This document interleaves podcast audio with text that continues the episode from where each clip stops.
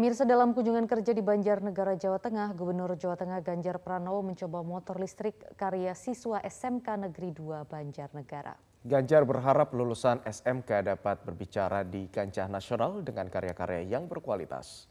Gubernur Jawa Tengah Ganjar Pranowo terkesan dengan kemampuan siswa SMK Negeri 2 Banjarnegara yang merubah motor berbahan bakar minyak menjadi motor listrik. Dalam prosesnya, satu unit motor listrik yang diberi nama Molisel ini digarap oleh belasan siswa dari tiga jurusan dan memakan waktu dua bulan.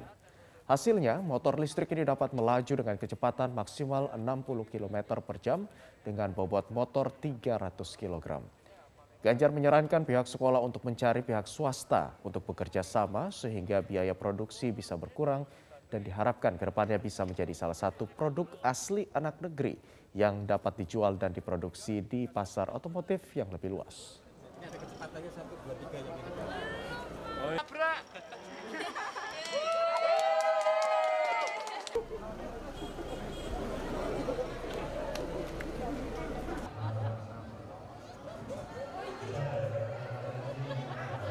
Praktek yang bisa diberikan oleh uh, sekolah meskipun bandrean gitu ya jadi apa mengkonversi dari motor yang berbahan bakar bensin ke listrik.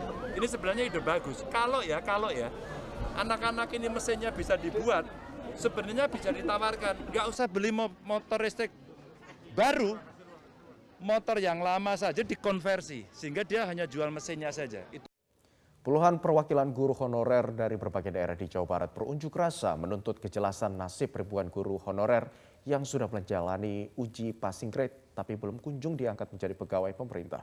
Guru-guru dari berbagai daerah di Jawa Barat berdemonstrasi depan kantor pemerintahan Provinsi Jawa Barat pada Senin siang. Para guru menuntut kejelasan nasib guru honorer yang sudah menjalani uji kompetensi passing grade bagi para guru honorer. Dari 10.397 guru honorer, hanya 6.425 guru yang sudah mendapatkan jatah untuk mengajar. Sedangkan 3.972 guru masih honorer, ini masih belum mendapat kejelasan meski sudah menjalani uji kompetensi. Para guru meminta kepada pemerintah Provinsi Jawa Barat untuk tidak memangkas kuota P3K bagi guru honorer di Jawa Barat. Selain itu para guru juga meminta agar diberi payung hukum bagi guru honorer yang sudah tergeser dari sekolah induknya. Jangan mengharapkan kepada orang lain untuk memperjuangkan kalian. Jangan terlalu berharap kepada DPRD, kepada ormas. Itu artinya Jawa Barat berkontribusi sebanyak 20% untuk guru-guru dikeranjangkan secara nasional gitu. Maka ini yang menjadi hal yang perlu kita bahas bersama dengan Pemda Jabar. Karena dari pusat, pemerintah pusat menyampaikan untuk mereka yang dikeranjang ini semuanya dikembalikan ke Pemda masing-masing mau gimana. Gitu kan. Maka dari itu kita e, meminta minimal data yang 6.425 itu diperlihatkan dulu ke kita bagaimana Tersangka kasus penyalahgunaan 20 ton gas LPG bersubsidi yang digerebek oleh Subdit 1 Indak Ditreskrimsus Polda Jawa Barat di kawasan Patok Besi, Kabupaten Subang, Jawa Barat bertambah menjadi 11 orang. Kesebelas orang tersangka tersebut berperan sebagai pemodal, penyedia gas LPG, serta pekerja lapangan.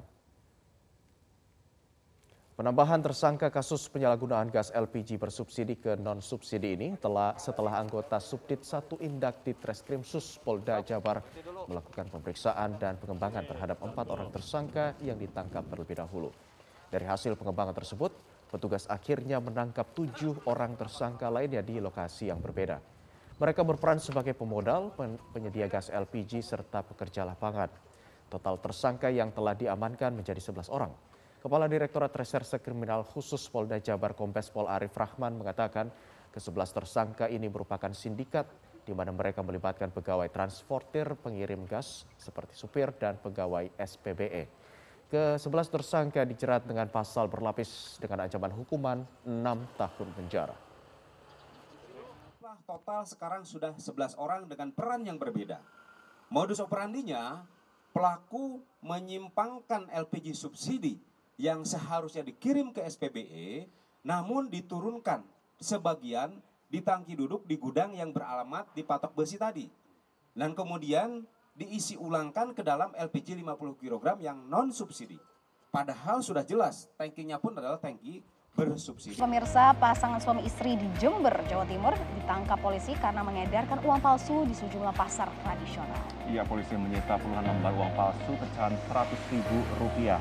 Ahmad Masduki dan Enik Sudarwati warga desa Cakru, Kecamatan Kencong, Jember, Jawa Timur diamankan jajaran Reserse Kriminal Polsek Umbul Sari karena keduanya sengaja membelanjakan uang palsu kepada beberapa pedagang sayur mayur di Pasar Umbul Sari. Sasaran mereka adalah pedagang yang tidak paham perbedaan uang asli dan uang palsu. Dari tangan pelaku, polisi mengamankan 8 lembar uang palsu pecahan Rp100.000. Sementara di rumah pelaku juga ditemukan barang bukti uang palsu lainnya sebanyak 22 lembar senilai 1,4 juta rupiah. Kedua pasutri diancam dengan Undang-Undang Nomor 7 Tahun 2011 tentang mata uang dengan ancaman hukuman 15 tahun penjara. Polisi juga tengah menelusuri jaringan penyuplai uang palsu kepada para pelaku. Kami amankan di Polsek kami lakukan pengembangan ke kediaman orang tuanya, yaitu di Desa Yosowilangon, Lumajang. Kami adakan penggeledahan, kami pimpin bersama tim, dan kami mendapati setota, uh, senilai 1 juta 400 sama yaitu lembaran 100 ribuan warna merah. Kita ke informasi lain pemirsa, teror penyerangan kawanan geng motor terekam CCTV di kota Makassar, Sulawesi Selatan. Para pelaku yang membawa busur panah mengancam warga. Coba kita lihat bersama.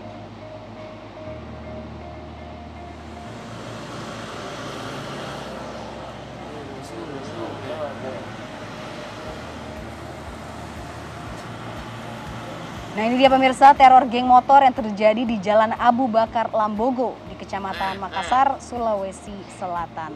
Rekaman kamera pengawas yang beredar di media sosial memperlihatkan para pelaku masuk ke dalam gang dan mengancam warga yang mereka temui. Guna mencegah penyerangan susulan oleh warga sekitar langsung memberikan laporan polisi.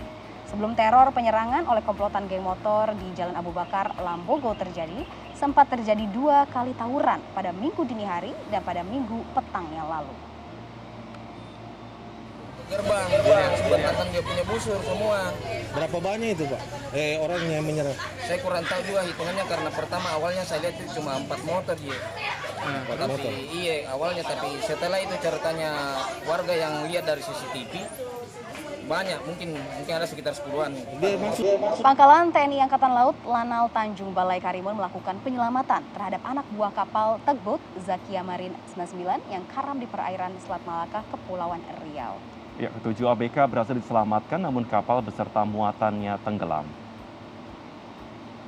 Pemirsa ketujuh ABK tugboat berlayar dari perairan Bengkalis, Provinsi Riau dievakuasi dalam keadaan selamat Salah seorang anak buah kapal menyatakan mereka menuju perairan Selat Malaka hendak menarik kapal yang rusak, namun kapal bocor dan miring. Saat sebelum kapal tenggelam, para kru kapal berhasil menyelamatkan diri dengan menaiki kapal yang tengah melintas. Setelah memastikan kesehatan para kru kapal, pihak Lanal Karimun langsung memproses untuk kepulangan seluruh kru kapal yang selamat tersebut. Nah, pemirsa kita menuju informasi selanjutnya di mana cuaca buruk berupa gelombang tinggi dan cuaca ekstrim membuat para nelayan di Sinjai, Sulawesi Selatan dan Bengkulu tidak dapat melaut dan mencari ikan. Cuaca buruk berupa gelombang tinggi dan angin kencang membuat ratusan nelayan di dermaga Lapas Sinjai, Sulawesi Selatan enggan melaut.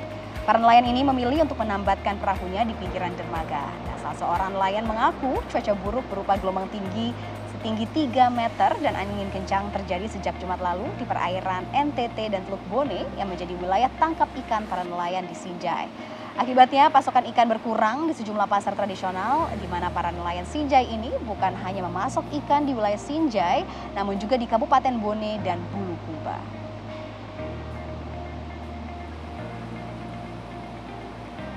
Sementara itu pemirsa, inilah suasana gelombang tinggi disertai cuaca ekstrim yang terjadi di perairan Laut Bengkulu dua hari belakangan ini.